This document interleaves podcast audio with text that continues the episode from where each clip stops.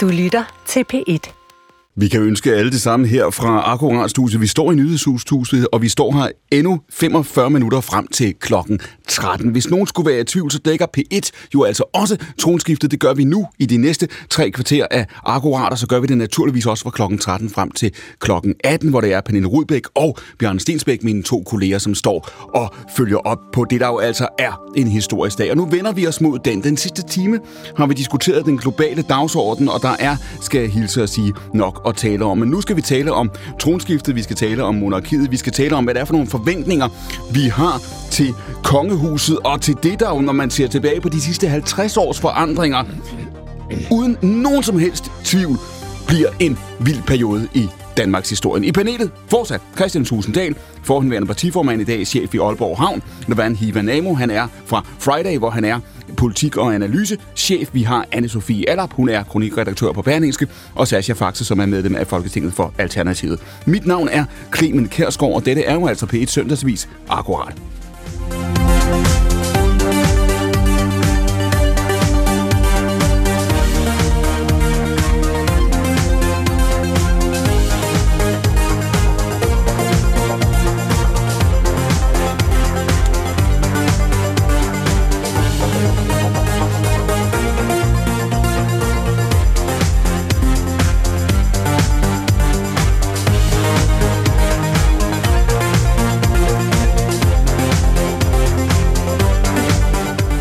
Vi har jo altså, som I også har hørt i radio og tv over de sidste dage og de sidste uger, ikke set magen, ikke i 52 år og efter nogle udlægninger, ikke i 900 år. Og derfor er det jo altså også, at tronskiftet i dag rejser alle mulige spørgsmål om det land, vi gik og troede, vi kendte.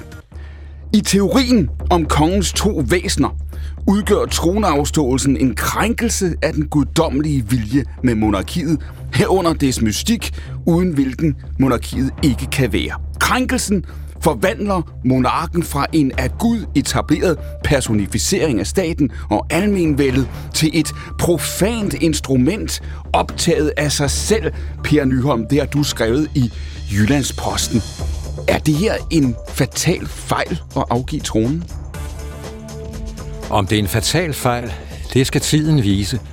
Men jeg tror, det udgør et knæk i øh, den generelle opfattelse af, hvad kongehuset er, og hvad kongehuset skal være. Jeg taler om den kongelige mystik.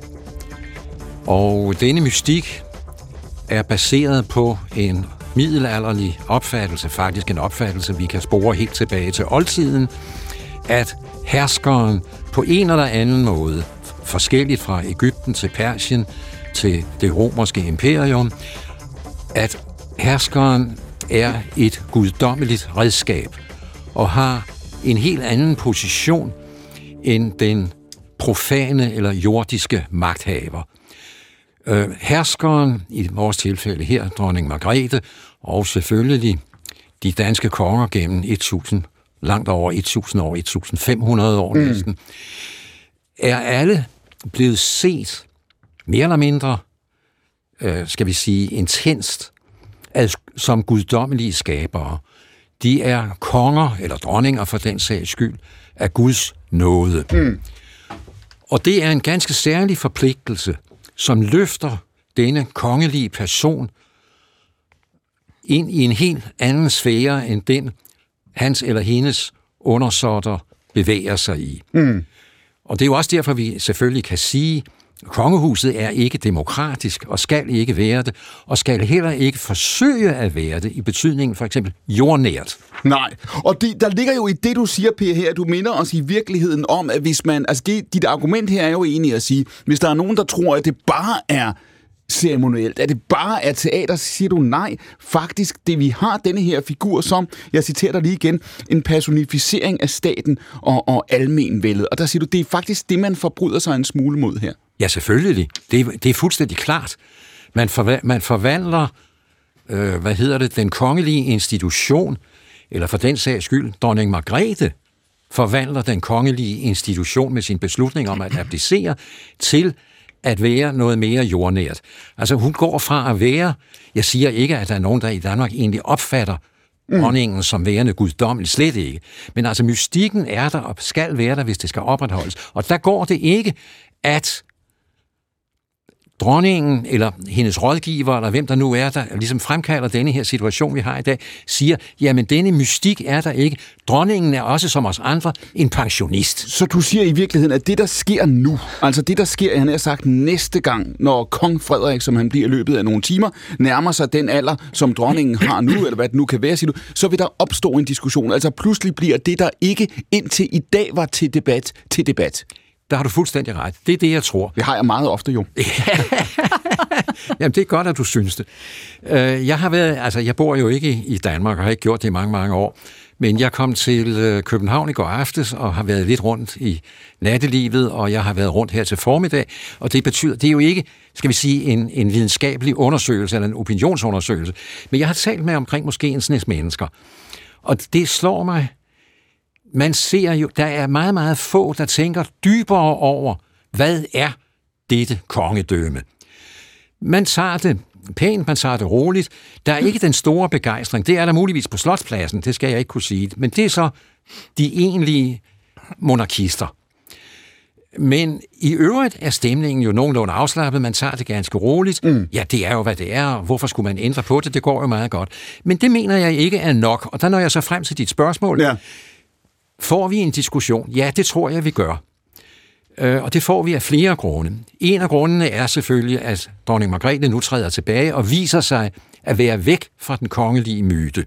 Hun har gjort et glimrende stykke arbejde, det skal man ikke det, men man kan ikke bryde myten ustraffet. Det næste kommer så i skikkelse af øh, den nye konge og hans dronning, som jo også står uden for den kongelige myte.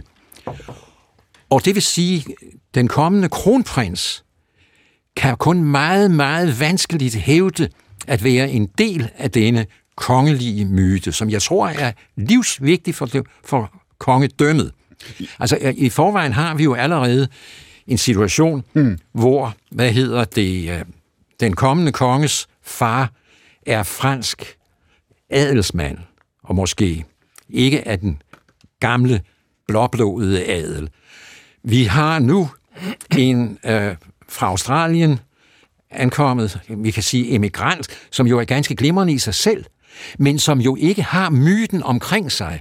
Og det vil sige, at vi står tilbage, måske om 20-30 år, mm. med en såkaldt kongelig familie, som mange jo alligevel vil have et meget, skal vi sige, virkelighedsnært forhold til i den her tid. Virker det kommercielt rigtigt? Kan kongefamilien sælge noget? Det er et argument, jeg har hørt på gaden. Og to, øh, en kvinde, jeg snakkede med her i formiddag, som sagde, jamen det er jo en pyntegenstand. Mm. Og, så, og så der, derfor ville hun også gerne beholde kongedømmet, men det er ikke nok. Men der ligger jo også i det, du siger, Per, jeg vil gerne vende mig til, til, øh, til, uh, kronprins snart, kong Frederik, om, om en, lille, en lille smule længere, fordi du, du fastholder og siger, det er, som jeg sagde før, det her det er ikke ceremonielt, det er ikke teatralt. Du siger, det har faktisk en mening, som man skal tage alvorligt, og det er den, man i en vis forstand forbryder sig mod. Nu i artiklen nævner du jo uh, Elisabeth den anden, hun blev siddende, for nu at bruge det udtryk, som dronningen også har brugt uh, herhjemme til, hun faldt af pinden. Det gjorde hun 96 år gammel i, i 2022. Anne-Sophie Allap. Mm. Når man sammenligner de to forløber, nu har vi jo haft lejlighed til at gøre det, fordi vi har set i Storbritannien, hvad der er sket. Man har haft et, et kongehus der, som har været uh, gennem flere stormvær øh, mm. over de sidste årtier. Det er diplomatisk øh, formuleret. Så har vi jo altså Elisabeth den anden, 96 år gammel var hun, øh, blev dronning tilbage i 50'erne, har dybest set jo altså været hele det britiske imperiums, øh, ikke bare et, men flere kapitler af Frankrigs historie øh, øh, med, og hun bliver så afløst af sin, øh, sin søn, prins, øh, prins Charles, som var 74, da han, han trådte til. Mm. Har Per Nyholm en pointe i at sige, den måde at gøre det på, uanset hvor gammeldags den kan være, mm. uanset hvor meget man havde kunne unde hende at blive pensionist, prins Charles er kommet tidligere til, at det på en eller anden måde præserverer en, en magi og en mystik, der går fløjten herhjemme nu? Ja, jeg synes faktisk, at du har en, en, en øh, pointe, Per. Altså, øh, det, det er jo, vi, vi har jo et meget sådan kommercielt og praktisk øh, forhold til kongehuset. Vi synes, det er fint, de tager ud i verden og sælger nogle ting. Øh, så synes vi, det er fint, at de kan tiltrække nogle øh, turister. Og så synes vi egentlig, det er meget rart, øh, at øh, der ikke sidder en politiker en afdanket politiker som præsident. Og jeg tror faktisk, øh, altså al respekt, jeg tror, at Sascha ville være en udmærket præsident. Men, øh, men og, øh, og hvad du er jo heldigvis ikke afdanket. hvad med Christian Tusinddal? Jeg tror også egentlig. Ja, men også nok sige, så er der ikke Jeg noget. har glemt, at Christian var politiker. Øh, Jeg er glad Christian for, at jeg, også ikke, jeg gik fin- ikke i den der afdankede ekspolitiker. Nej, det er der ikke nogen af jer, der gør. Men altså, man tænker, man har jo altid, i gamle dage, der brugte man jo argumenter, så skulle Svend Auken sidde der og være præsident, og det var der ikke nogen, der ville have. Øhm, og, øh, og, og så blev det ligesom sådan en meget praktisk måde at se på, øh, på kongehuset på. Men og det er lige- rigtigt, at vi har netop ikke den der, altså øh, andre ting, Nordkorea, hvor, at, øh, øh, hvor man jo har en præsidentfamilie, som nærmest er guddommelige, og som bliver født på et bjerg, som splindrer, og der er træner, der basker og sådan noget. Altså, alt det der har Du, vi jo du, ikke. det, du sidder simpelthen som kronikredaktør på Berlingske på den højhæl i dag og siger, du misunder Nordkorea. Nej, det gør jeg ikke. Øh, men, øh, men, men jeg siger bare, vi Det var, har en jo dobbeltregn, slet ikke... det var en dobbeltregnbue, han blev født under, var det ikke sådan? Jo. jo. Jo, jo, og træner og alt muligt. Ja. Ja. Men, men det, det, den type har vi jo ikke. Vi, har, vi tænker, det er fint, at de kan tage ud med dansk industri og sælge nogle varer. Og der, så du siger i virkeligheden, altså der er, du siger, at Per har en pointe. Altså det er, når man så den britiske dronning Elisabeth, man siger, jamen der var ikke noget valg, der var ikke nogen diskussion. Øh, der var ikke et spørgsmål, om hun skulle være gået af før eller senere, fordi det skete, da det skete. Øh, ja, og fordi hun jo, altså hun var jo i sig selv en, et stykke historie, øh, og ligesom vores egen dronning er det, ikke? Per Nyholm, altså man, kan jo sige modargumentet, så det, det du siger, øh, kunne jo være at sige, hvis man så på Lady Diana, øh, som jo kommer ind i det britiske øh, kongehus, så kan man diskutere, hvor adelig hun var, ikke? Men hun kommer ind, og hun, hun etablerer jo en ekstrem øh, folkelig gennemslagskraft. Hun, hun siger på et tidspunkt, da hun bliver spurgt, jeg har accepteret, at jeg aldrig bliver øh, øh, Englands dronning, men jeg vil være dronning i folks hjerter. Er det ikke, er det ikke modargumentet mod det, du siger, at vi har fået et også, i hvert fald i nogen grad meritbaseret øh, kongehus, hvis de gør det godt nok, så optjener de, kan du sige, magien. Det er muligvis rigtigt. Jeg tror dog, det har at gøre med dette, at en bred befolkning vil meget gerne underholdes. Man vil meget gerne leve i en eller anden romantisk forestilling om, at, øh, at man har det her yndige land. Vi er påvirket af, øh, og i virkeligheden forkert, af H.C. Andersens opfattelse af altså sådan en, en landsbyagtig øh, romantik. Den er selvfølgelig uholdbar på lang sigt, og den er uholdbar på lang ind i dette nye kapitel, vi nu kommer, altså hvor, hvor landet jo vil ændre sig fuldstændig og moderniseres og rationaliseres. Men jeg tror, det er rigtigt, som det blev sagt. Selvfølgelig, altså, kongehuset kan muligvis godt, jeg er nu ikke så sikker på, at det sker, tjene penge ved at rejse ud med handelsdelegationer. Men det kan jo ikke være meningen med at have et kongehus. Og til det vil jeg så gerne tilføje, ja, men altså hvis vi ikke har et kongehus, og jeg er ikke sikker på, at vi har et kongehus om 20-30 år. Det tror jeg faktisk ikke, vi vil have. Vi kan sagtens have fine præsidenter. Det behøver jo ikke at være skikkelser, øh, som er for øh, ældre politikere. Mm. Hvis man ser på, hvad vi i lande, der står os nær, Irland, mm. Island, Finland, Tyskland, de baltiske stater, hvor man igen og igen og igen kan finde fine præsidenter, så synes jeg ikke, man skal udelukke tanken om at have en præsident. Tusinddal, nu må du komme monarkiet til undsætning. Ja, jeg er rystet. Jeg jeg er ikke så rystet, for jeg har også læst det her indlæg i Jyllandsposten, som refereres til, og kender også øh, noget til, til Pers holdninger, tror jeg, omkring det. Og jeg, man kan jo sagtens finde øh, holdepunkter i det, der bliver sagt, sådan ud fra sådan en teoretisk øh, øh gammeldags tænkning omkring øh, kongehuset.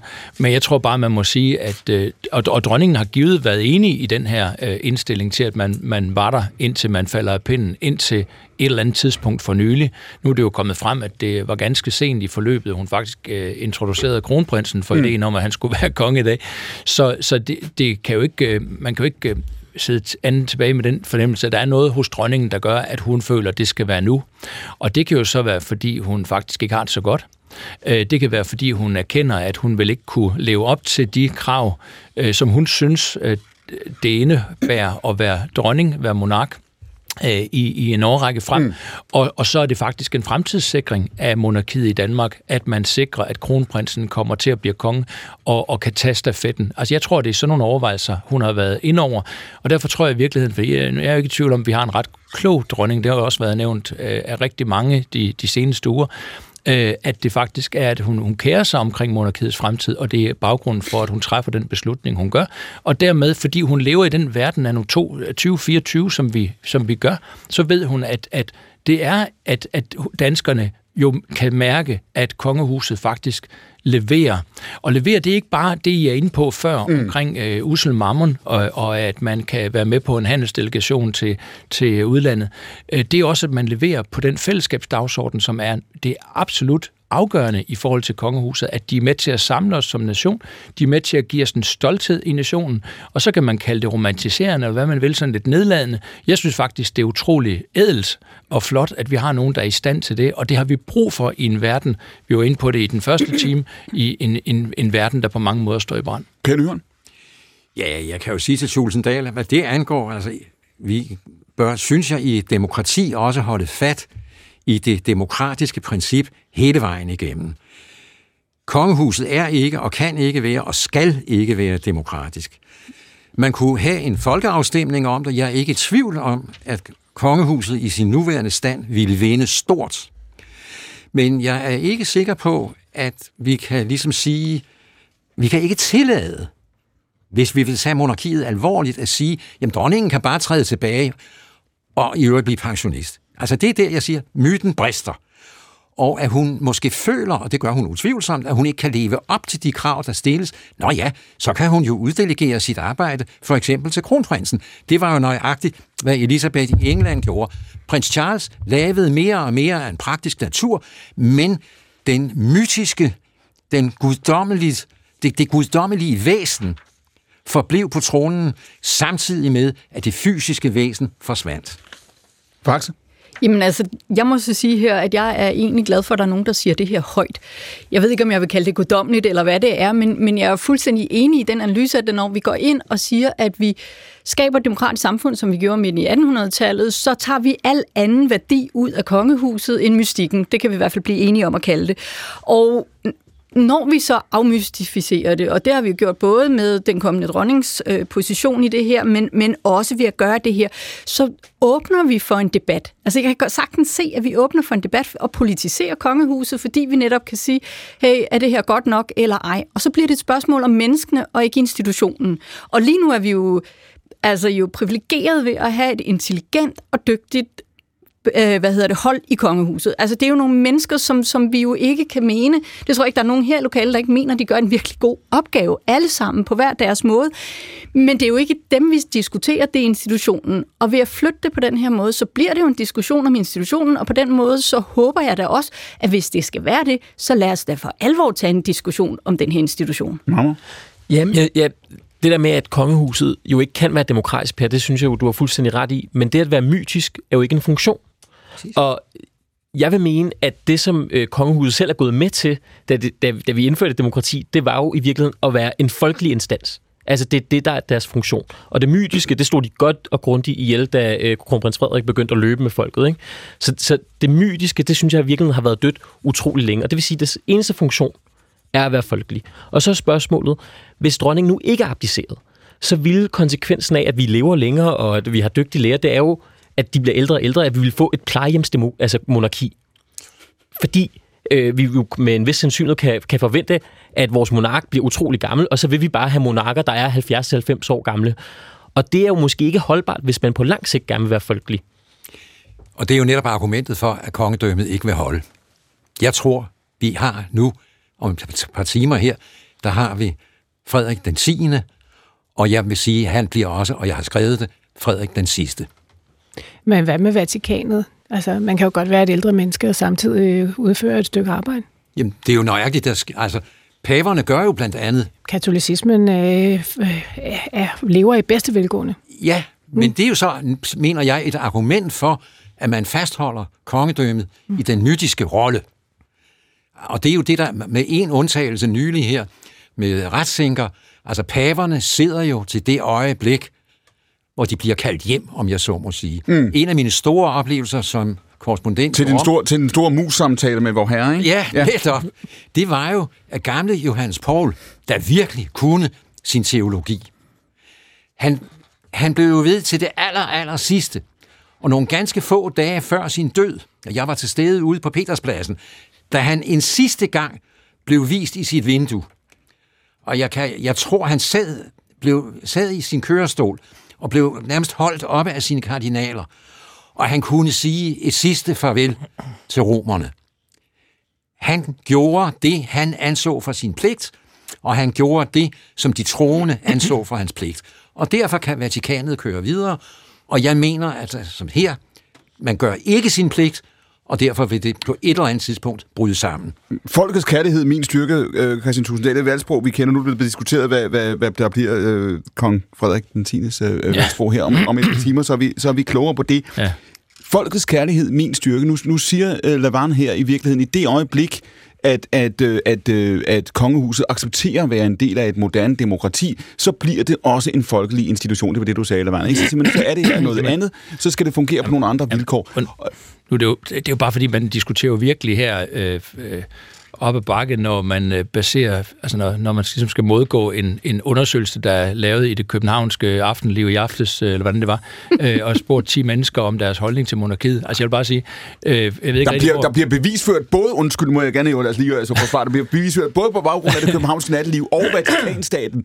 Øh, så der, du kan ikke, altså, du kan Ej, ikke klage over spektret. Prøv, prøv at nu, en af de der ting, som, som altså i forhold til de seneste ugers øh, opmærksomhed. Der, der er nogen, der sådan har forsøgt at i tale, at det ikke er blevet for meget agtigt, ikke? og så er der en befolkning, som siger, nej, det er ikke for meget. Vi har øh, nogle uger her, hvor vi virkelig øh, er optaget af vores øh, kongehus og at, øh, at øh, skifte på den øverste øh, post inden for kongehuset, øh, og, og, og det bunder i en det bunder jo i en virkelig stor øh, indlevelse i vores konge. Og hvorfor udtrykker befolkningen det? Altså hvorfor er det sådan, at uanset om man kommer på plejehjemmene i de her dage, eller man kommer i børnehaverne, så det, der står på dagsordenen, det er, at dronning Margrethe træder af, og kronprins Frederik nu skal være konge. Mm. Det er fordi, det berører os virkelig dybt, og jeg, jeg synes bare, der er en tendens til lige nu, at vi virkelig forfladiger det.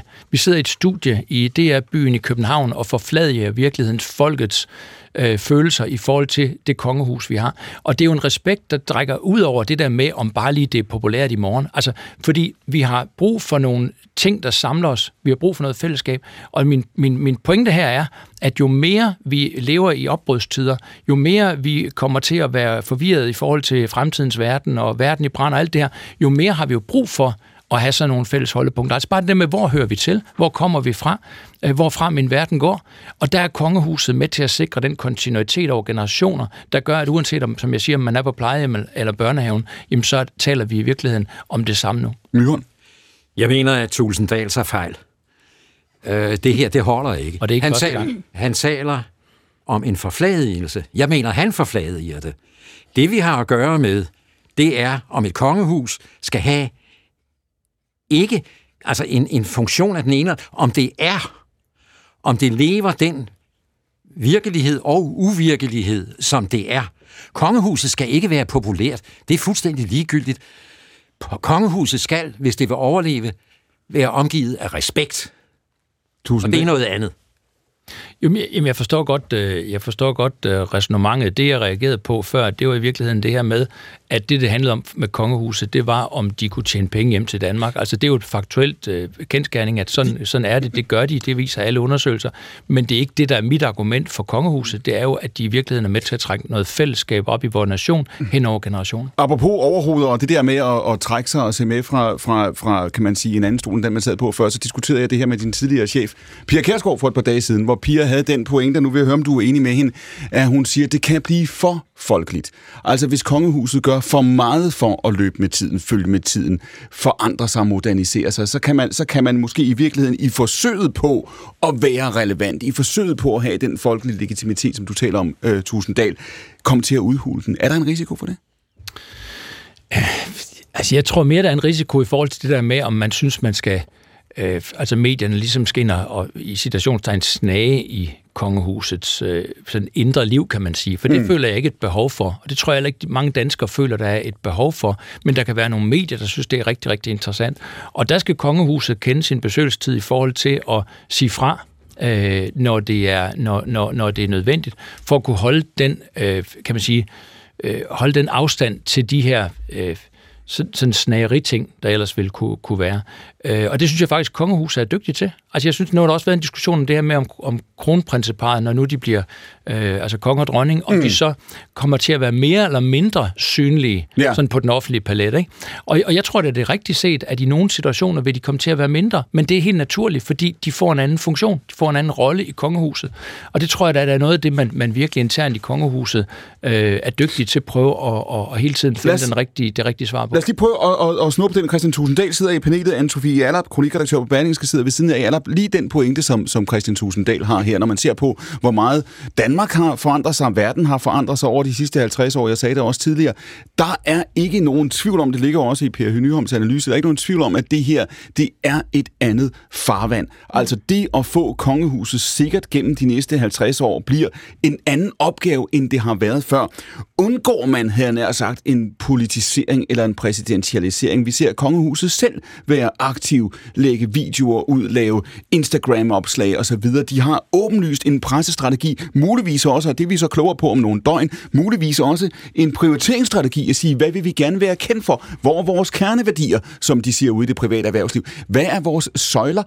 Undgår vi det? Altså undgår vi et kongehus, som simpelthen tvunget af omstændighederne bliver nødt til at, at, at tænke anderledes og opføre sig anderledes? Det bliver de nødt til, og hvis de ikke gør det, så, så, øh, så er det et problem. Altså, de, øh, I virkeligheden, så hvis jeg var øh, det nye kongepar, så ville jeg opruste massivt øh, i, på det, der hedder rådgivning, på kommunikation, på social mediestrategi, øh, fordi det her, det er, det er et nyt farvand. Øh, den, den dronningen, dronning Margrethe, hun havde den øh, store... Øh, den store fordel, at hun var så sikker, i, øh, sad på sin trone og havde gjort det så længe, og alle anerkendte hendes autoritet. Men, men har nu har man en ny situation, og i en ny virkelighed, hvor der er kunstig intelligens, og hvor der er nye dagsordner, og hvor man vil kunne, altså, skulle forholde sig til øh, nogle strømninger af information, som man ikke før har skulle forholde Men er du, sig er til. du sikker på det? Fordi har Per Nyholm ikke en pointe før, når han siger, det er lige meget, om det var populært eller ej. Altså, da hun træder til for 52 år siden i dag, dronning Margrethe, der er, er kongehuset langt mindre populært, end det er nu. Det var en tid, hvor der var altså råd, kan man sige, i opbakningen til den her institution, og der var i store dele af samfundet, store dele af samfundet, en fornemmelse af, at tiderne var ved at skifte. Kunne man ikke sige, med, igen med udgangspunkt i Per Nyholms analyse, og i det, som dronningen selv har sagt og velment indtil for ganske nylig at sige, de skal ikke følge med tiden. De skal ikke vende sig mod pressen. Det- De skal turde lukke de tunge døre. Ja, men det, det er faktisk ikke øh, gensidigt ekskluderende. Nej. De skal, de skal være bevidst om, hvad det er, der ligger i tiden af øh, forskellige skær i det her farvand. Altså, de skal simpelthen kunne styre igennem det. Og det er ikke så nemt. Man har faktisk en, en relativ, fornemmer man, øh, stor øh, øh, problemstilling mellem de to brødre og deres familier. Der er øh, børn, der er ved at blive voksne og, og teenager og så videre. Altså, der er masser af skær forude. Hvis det, hvis det her bliver sendt til folkeafstemning i morgen, Tasha Fax, for det er jo en tid, hvor der er borgerforslag, og hvad ved jeg, uh, all over the place. Hvis det her bliver sendt til folkeafstemning i morgen, hvad ville Alternativet anbefale? Det er et virkelig godt spørgsmål. Det, øh, den havde jeg så ikke taget stilling til. Det er men, sådan set men, også mig, der har stillet det, kan man sige, så det her er en vis form for Så altså, jeg, jeg tænker i det her, at der må folk altså, mærke efter og se, hvad de synes er korrekt. Altså, jeg kan jo svare for dem. Altså, nå jo, men der har, det har vi ikke øh, en... Det er på niveau med aktiv dødshjælp, siger du. Vi skal se, se, se altså, I, kan- Ja, ikke- fordi det går jo ret dybt, fordi at det kan vi jo også høre her. Vi snakker jo på mange forskellige niveauer om det her. Ikke? Altså, der bliver talt om, hvad er institutionen for en, en Men størrelse. hvor, hvorfor er det, når du ikke bare... Hvad vil du stemme? Jeg vil øh, stemme for nedlæggelse af kongehuset Okay. personligt. Og det er ud fra altså, det, det, vi har talt om tidligere, og jeg er historiker, øh, og har, altså jeg vil sige, for mig, der tippede den, da øh, kronprinsen han giftede sig med, med den kommende dronning. Altså, og det var simpelthen ud fra den øh, samme analyse, som det Per Nyholm kommer med. Altså, jeg havde været skeptisk før, men der, var, der blev jeg sikker i min sag. Så det er sådan en mere faglig historiker For, baggrund. fordi han ikke måtte gifte sig hvad? Borgerligt? Nej, nej, fordi at det handler om, hvad er det for en rolle? Altså, det, det, det må han som sådan godt. Men, men, men hvad er det for en rolle, jeg godt kunne forestille mig, hvis at vi skal for, blive ved med at have en, en, i min optik forældet institution, som opfylder nogle ceremonielle ting? det er jo interessant, Tasha Fax, du siger i virkeligheden, altså hvis vi skal have en forældet institution, skal den også opføre sig forældet. Det, det, men det er jo vidderligt helt personligt øh, for min regning. Ikke? Altså nu er det, jeg har ikke vendt det her med, med nogen som helst andre, men det har jeg sådan her, men står på ærligt på mål for, det er sådan, jeg har det. Men jeg synes, det er vigtigt, at hvis, altså fordi vi vil jo ikke få det afskaffet i morgen, hvis vi havde en, en hvad hedder det, afstemning. Det er der jo slet ikke nogen tvivl om. Men du var, jeg, jeg holder bare lige fast interessant, ja. du var tilhænger. Jeg har ikke været, altså kan man sige, uh, undecided, som man nogle gange siger. Ikke? Mm. Altså, jeg har ikke været den, altså, jeg har læst historien grund. Jeg synes, der er nogle ting, der er interessante, øh, også i vores og, egen historie. Men du siger, du siger, det, at han gifter sig med Mary, det gør hvilken forskel? Altså, hvorfor? hvorfor? Jamen, fordi at det, som kongehuset har stået på siden 1849, hvor at vi gør det til en ceremoniel institution, som har en eller anden form for historisk samlingskraft, fordi jeg er fuldstændig enig i, at vi skal have noget samlingskraft og noget fællesskab i det her samfund. Der er jeg fuldstændig enig med, med Tulsendal, men det der er for mig, det er at sige, hvis man skal have det, så er vi jo også nødt til at bevare den mystik og de ting, der ligger omkring det. Men der er den anden del af det, som så også er for mig ud over det, det er, at jeg er et rettighedsbaseret menneske, og jeg synes, alle mennesker er født lige, både dem indenfor og dem uden og alligevel, men, men du siger, at han skulle have giftet sig hvad adeligt. Det er vel det, du siger, ikke? Nej, det skal jeg ikke blande mig i, hvem han gifter okay. sig med. Det er jo det, der lige er netop af hele misæren. Det er jo, at vi blander os i, hvem de må gifte sig med. Så det handlede ikke så meget om, hvad han gjorde i virkeligheden. Det handlede mere om, at du fik en anledning til at reflektere over. Ja. Christian Tusinddal, er der, er der en, nu, nu stillede jeg spørgsmålet før også, altså, de sidste 50 år, en, en hver, der tror, at det her det har kørt let af sig selv, en hver, der tror, at den opbakning, der findes til kongehuset øh, i, i dag, at det er en given ting, skal se på øh, England, skal se på det stormvær, der har været der, eller skal bare gå tilbage og læse opinionstallene fra, fra, fra, fra 72. Bliver det en svær opgave, tror du, at bevare kongehuset? Øh, det kommer fuldstændig an på. Altså, jeg er helt tryg ved kronprins Frederik, der bliver kong Frederik den 10. Mm. Øh, jeg tror, han vil blive øh, bravende god. Altså, jeg tror virkelig, han vil tage folk med storm. Han, hvis man ser på, på, på ham for 20, 25, 30 år siden, og så i dag, så er det to, altså så er det en helt anderledes selvsikker person, der træder ind i kongerollen nu. Øhm, og det tror jeg også, dronningen har reflekteret over i, i forbindelse med, med det her skifte, der finder sted. Men, men det er klart, man kan jo aldrig nogensinde vide, hvornår, hvordan næste generation vil agere, og også om, om prins Christian ligesom får mulighed for øh, at, at, at, at vokse op med, og, og ligesom tage rollen på samme måde, som, som kronprinsen har gjort. Og det tror jeg, der bliver afgørende for, for manges syn på kongehuset. Men jeg tror, du, ja. bare, jeg, jeg vil bare lige advare, selvom der kommer stormvær, det gør der selvfølgelig også, mm. i, og det, nu nævner vi det også med, med prins Joachim og, og de få ting, der har været der. Altså, så, så er det alligevel sejlivet. Altså, fordi det bunder i noget dybere end bare lige det der med, om man tror, de sælger varen i morgen. Altså, fordi de fleste danskere reflekterer også over, at det har en, en, noget tilbage i historien, noget over generationer, som jeg siger, og noget, der skaber en fællesskabskraft, som man ikke kan købe sig til andre steder. Hvis du nedlagde øh, kongehus, kan du ikke etablere noget andet, der kan træde til sted. Eller? Jeg, jeg vil bare lige tilføje, at øh, udover at øh, nye kong Frederik øh, er øh, meget, meget folkekær, så har han jo altså Mary, og, og jeg synes, at vi har taget uf- det er lidt ufortalt, hvor dygtig hun faktisk er. Mm. Altså det kan godt være, at hun kommer fra Australien, og øh, det slet ikke var meningen, hun skulle det, men hun har, hun er simpelthen vokset med opgaven, og er flittig, og værdig, og dygtig, og altså en, en bedre repræsentant, end vi nogensinde har kunne ønske os. Ligger der jo også i det, du siger her, Alaba, det kan godt være, at vi har, faktisk før, det kan godt være, at vi har svært ved at finde, kan du sige, de rationelle eller de teoretisk rene argumenter, eller det, der passer ind i den grundlov, vi i øvrigt har.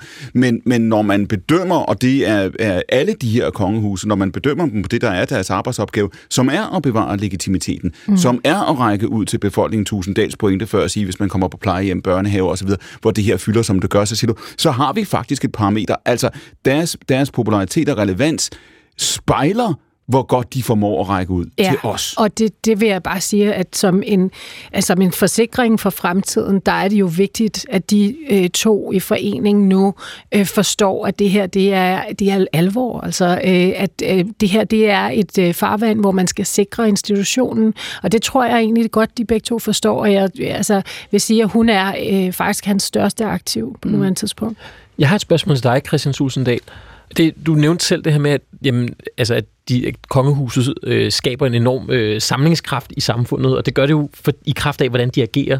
Men vil du bakke op om kongehuset for enhver pris? Altså lad os sige, at vi får nogen, som er nogle gennemgående røvhuller, og som støder folk fra sig. Altså, Svaret er bare ja. Lad man, er det ikke rigtigt, Christian Tusind? Svaret er bare ja, ikke? Når man, apropos Per Nyholms pointe om, det mytiske er dødt, Altså, skal vi så have et kongehus, hvis nu vi får nogle øh, monarker, som er gennemgående usympatiske mennesker?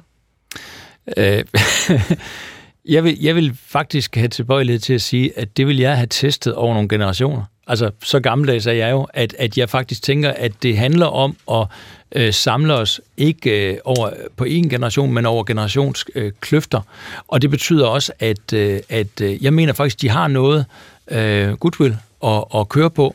Så selvom der måtte komme situationer i fremtiden, hvor de tærer lidt på folks øh, opbakning, så tror jeg faktisk, at opbakningen vil være rimelig holdbar til, at man godt kan komme igennem nogle stormvejr. Det er klart, det, det er jo ikke ubegrænset. På et eller andet tidspunkt vil der jo være øh, selv republikanere, der siger, så er de republikanere. Altså det, det fantastiske i dag, det er jo, at de fleste republikanere, de er faktisk i dag tilhængere af monarkiet, når de bliver spurgt, ikke? og siger, jamen i hvert fald i den nuværende øh, forfatning, mm. øh, kongehuset er i, så, så har jeg hørt radikale politikere, der siger, de kunne ikke drømme om at lige nu at foreslå kongehuset afskaffet, fordi de kan godt fornemme, at det, det kører nok egentlig meget. Hvad er der, er der i virkeligheden, altså nu har vi talt om udfordringerne her, kunne man også vende det om at sige, at der er nu, nu siger Adap før, der, du siger virkelig, der skal, der skal noget taktisk, strategisk rådgivning til af, af kongehuset her. Man kunne jo sige, hvis man nu lægger sådan en markedsøkonomisk analyse, sige, der er et hul i markedet. Altså lidt jævnfør Tusinddals indledende pointe, der er et hul i markedet, der, der er brug for tryghed, der er brug for, øh, for, for, for, for samlingspunkter. Hvis kronprins Frederik præcis på det her tidspunkt, præcis på det her tidspunkt, vi er nu, kan træde ind i forhold til de unge generationer, du talte om i time 1, og sige, venner, nu samler vi os om det her. Nu har vi en form for fælles samtale. Vi så øh, prins Christian invitere unge ind øh, på slottet i en, en, altså en inddragelse. Folk, som aldrig har været indenfor på et slot før, hvis forældre aldrig har været det, som skal gå ned i den lokale tøjbutik og sige, nå, nu skal du høre, hvad jeg skal bruge et jakkesæt til. Ikke? Altså, er, er, er der en mulighed her i virkeligheden for, at kongehuset ved at løse den her opgave godt nok, som alle siger før, kan, kan jeg sagt, få en større betydning, det har? Det tror jeg bestemt. Men problemet med at markedsliggøre kongehuset for meget, det bliver jo også, altså op på Blockbuster, i det øjeblik folk ikke gider at gå ned og lege en DVD fysisk, jamen så må lortet løbe lukke, ikke? Og, og det, vil, det samme vil jo så ske på kongehuset, hvis de selv mener, at øh, deres berettigelse til at eksistere, det er at opfylde nogle bestemte øh, markeder. Så overskriften på den her time, det er, er kongehuset Vatikanstaten eller Blockbuster? Ja. I virkeligheden.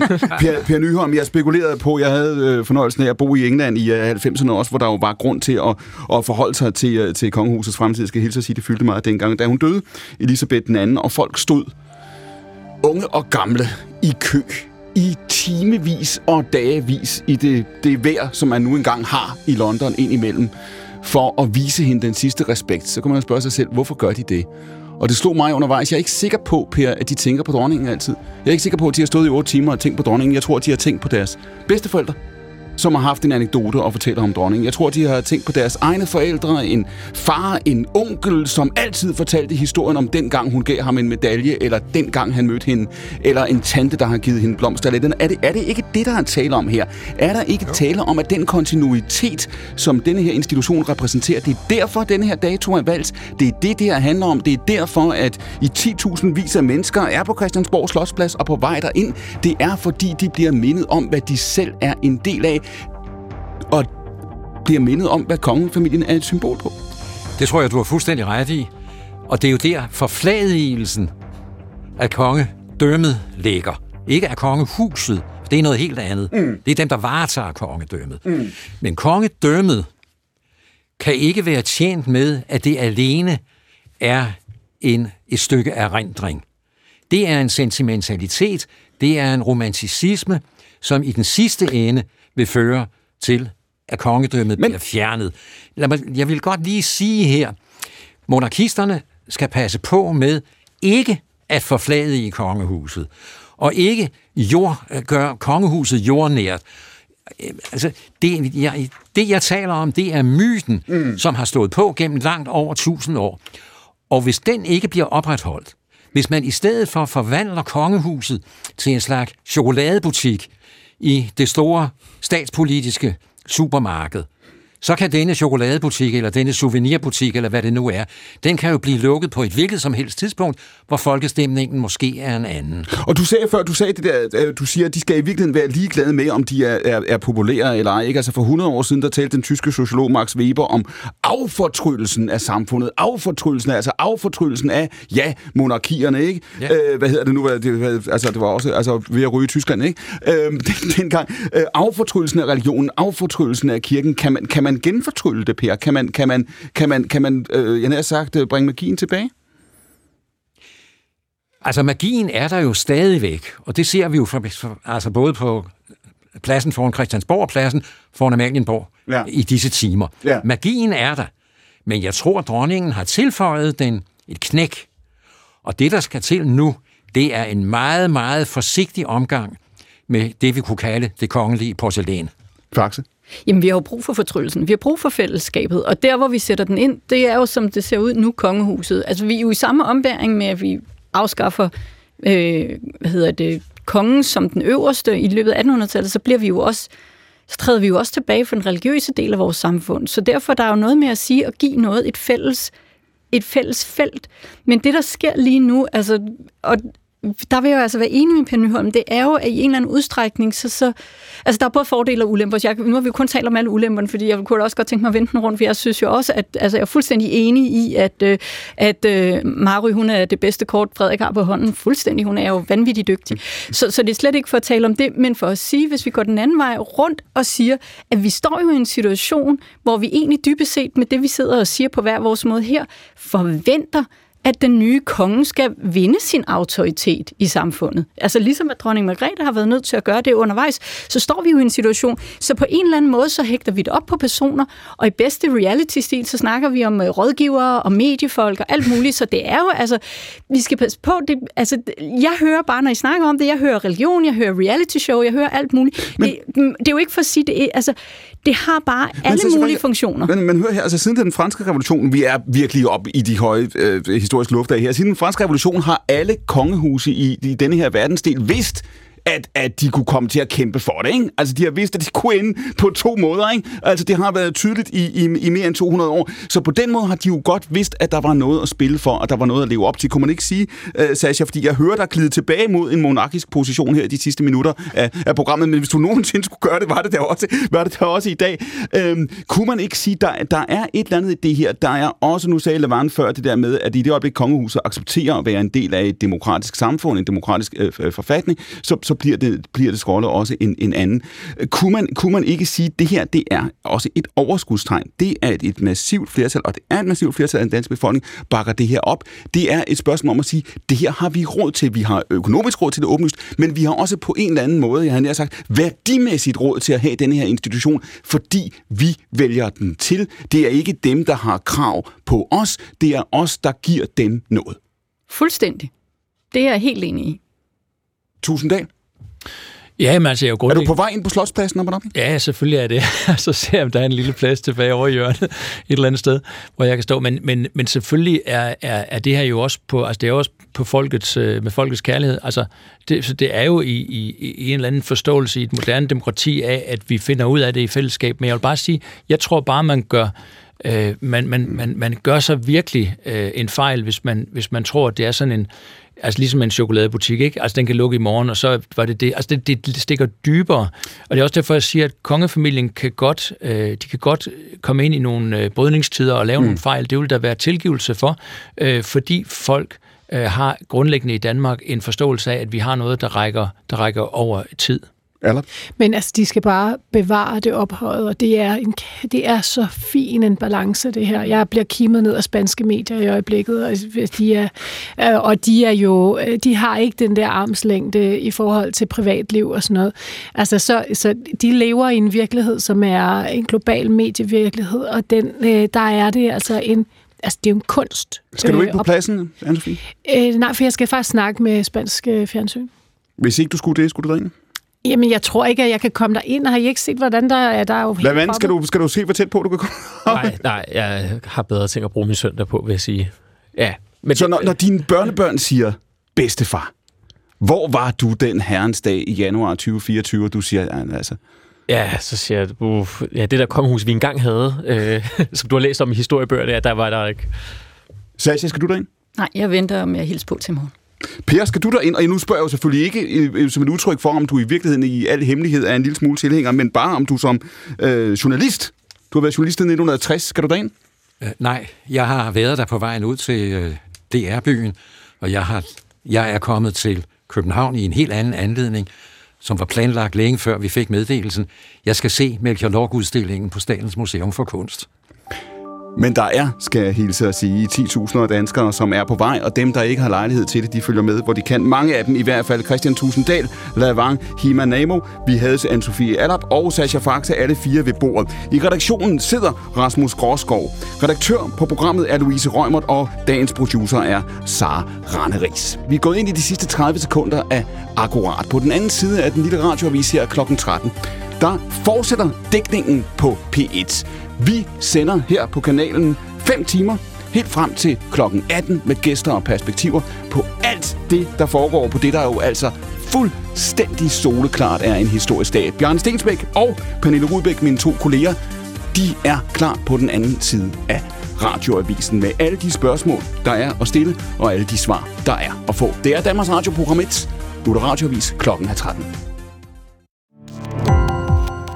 Gå på opdagelse i alle DR's podcast og radioprogrammer. I appen DR Lyd.